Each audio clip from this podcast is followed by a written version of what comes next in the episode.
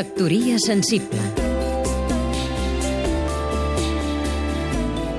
Jordi Llobet, professor i crític literari. Ara fa pocs dies, un home de 41 anys va morir al triatló de Barcelona mentre realitzava la prova de natació. Com és sabut, el triatló comporta, endemés, córrer a peu en temps rècords i córrer en bicicleta per camins difícils i esgotadors. Com és natural, la prova la guanya la persona més ben preparada físicament. Mentalment, no cal.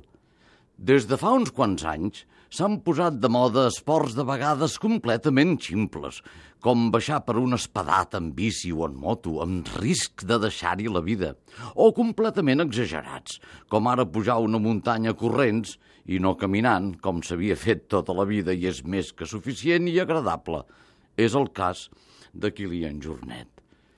Aquests esports de risc, si es mira bé, consideren el cos humà com una màquina capaç de les proeses que només elles són capaces de fer.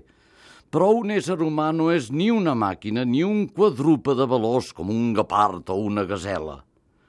L'home tira més bé a l'asa, que camina lentament i quan li dóna la gana es planta amb una determinació admirable. No cal que els homes fem esports tan arriscats ni tan extrems. De fet, no cal ni fer esport. N'hi ha prou en sortir, quan es té lleure, a caminar tranquil·lament pel camp o la ciutat, sense cap por de deixar la vida en una tasca desmesurada. Factoria sensible Seguim-nos també a catradio.cat